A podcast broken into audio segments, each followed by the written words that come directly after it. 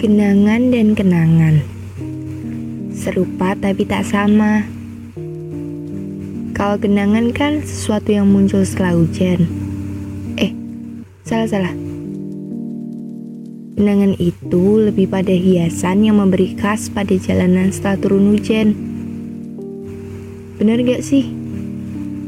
Kalau salah, benerin aja lah biar cepet.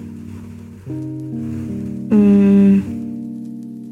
jadi keinget hari itu kalau bahas kenangan. Pagi itu aku turu buru-buru banget berangkat. Seragam putih, bersih, wangi.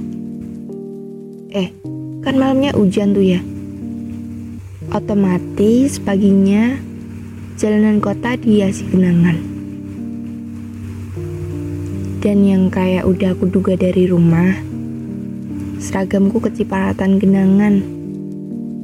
Motor udah kayak terasi. Kesel gak sih? Pengen rasanya nyingkirin itu kenangan. Asli, air itu ngeselin banget. Tapi kalau air genangan itu mau dibuang, dibuangnya ke mana coba? Ke laut tapi kayaknya laut sendiri udah overload genangan air deh. Paling nanti juga surut sendiri. Lama-lama kering tuh jalan. Kalau kenangan itu kan cuplikan-cuplikan kejadian yang tersimpan. Suka bikin kesel juga.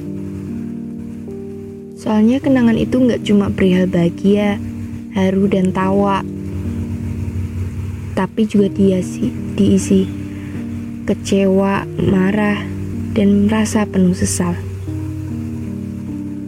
Sama-sama pengen buang, tapi gak enaknya mau dibuang ke mana. Paling mentok bisa dilupa.